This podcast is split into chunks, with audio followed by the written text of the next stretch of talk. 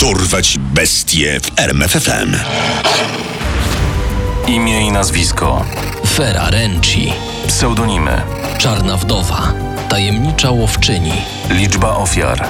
35 mężczyzn, Skazana na karę śmierci zamienioną na dożywocie, data śmierci.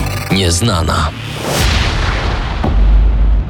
Mówi się, że nie ma miłości bez zazdrości. Vera Renci, rumuńska czarna wdowa żyjąca w pierwszej połowie XX wieku, wzięła sobie to powiedzenie tak głęboko do serca, że z zazdrości potrafiła zabić.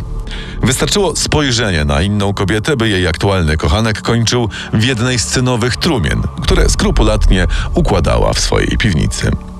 Vera Renci urodziła się pod koniec XIX lub na początku XX wieku w Bukareszcie, w rumuńsko-węgierskiej rodzinie arystokratycznej. Była rozpieszczonym dzieckiem, któremu niczego nie brakowało. Gdy miała 13 lat, zmarła jej matka.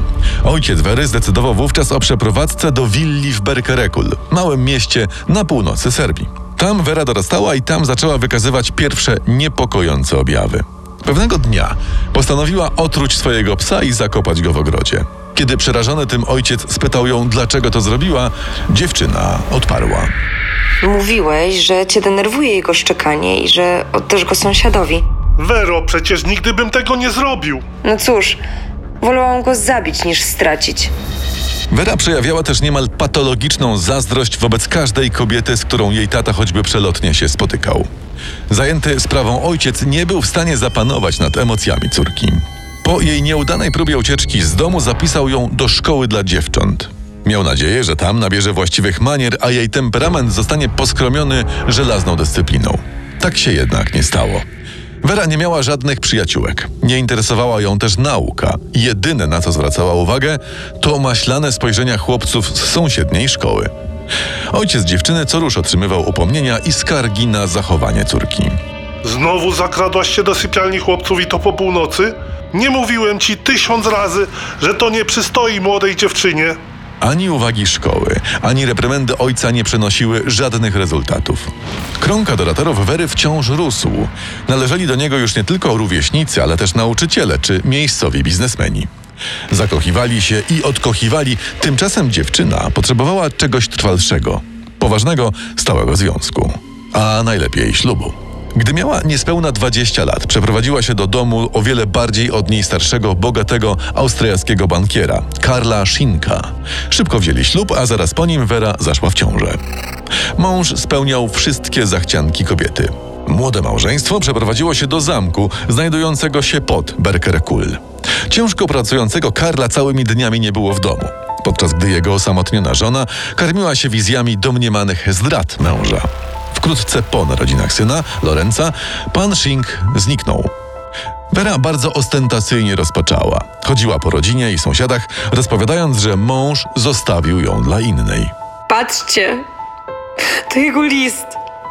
Napisał do mnie: Przepraszam, ale nie mogę z tobą być. Kocham inną. Sąsiedzi byli w szoku. Znali Karla i mieli o nim jak najlepsze zdanie. Nie no, to nie może być. Nie zostawiłby młodziutkiej żony z nowonarodzonym synem. Od tajemniczego zniknięcia męża minął rok, gdy Wera znowu się zakochała. Tym razem wybrankiem jej serca został serbski adwokat przystojny Józef Renci. Aby wyjść za niego za mąż, potrzebowała aktu zgonu poprzedniego męża. Zaczęła więc nosić żałobę i przekonywała urzędników, że jej mąż zginął w wypadku. Była tak czarująca i tak godna współczucia, że w końcu wystawiono jej upragniony dokument, mimo że nie było żadnego dowodu świadczącego o śmierci Karla. Wychodząc za mąż, Vera zmieniła nazwisko na Renci. Także i jej drugie małżeństwo jednak nie było szczęśliwe. Pan Renci zdradzał żonę, gdy tylko miał okazję. Wkrótce, podobnie jak pierwszy mąż kobiety, zniknął w tajemniczych okolicznościach. Vera opowiadała, że wyjechał i ją opuścił. Całe miasteczko tonęło w plotkach. Coś z tą kobietą jest nie tak. Drugi mąż ją porzuca i nie wiadomo gdzie i z kim wyjeżdża? A ja chętnie bym się nią zajął. Taka piękna i taka nieszczęśliwa. Vera Renci postanowiła, że już nigdy nie wyjdzie za mąż. Nie oznaczało to rezygnacji z męskich adoratorów. Niektórzy kochankowie zjeżdżali do niej nawet z Wiednia. Zaczęto ją nazywać tajemniczą łowczynią. Uwielbiała pokazywać się wieczorami w kawiarniach i na bankietach i tam wypatrywała swoją kolejną ofiarę i zapraszała do siebie do domu. Wyznawała tylko jedną zasadę. Mężczyźni mogli być biedni albo bogaci, młodzi lub starzy, przystojni czy brzydcy, byleby nie pochodzili z jej okolic. Najlepiej, jeśli byli w mieście tylko przejazdem. Tak wielu kochanków i adoratorów kręciło się wokół Wery, że nikt nie zauważył, jak jeden po drugim znikają w jej posiadłości bez śladu. W ten sposób mijały lata. Aż w końcu pani Renci popełniła błąd, który drogo ją kosztował. Choć do tej pory zadawała się z kawalerami, pewnego razu wpadł jej w oko przystojny serbski bankier Leonard Milorad, który prowadził podwójne życie i od 20 lat był żonaty.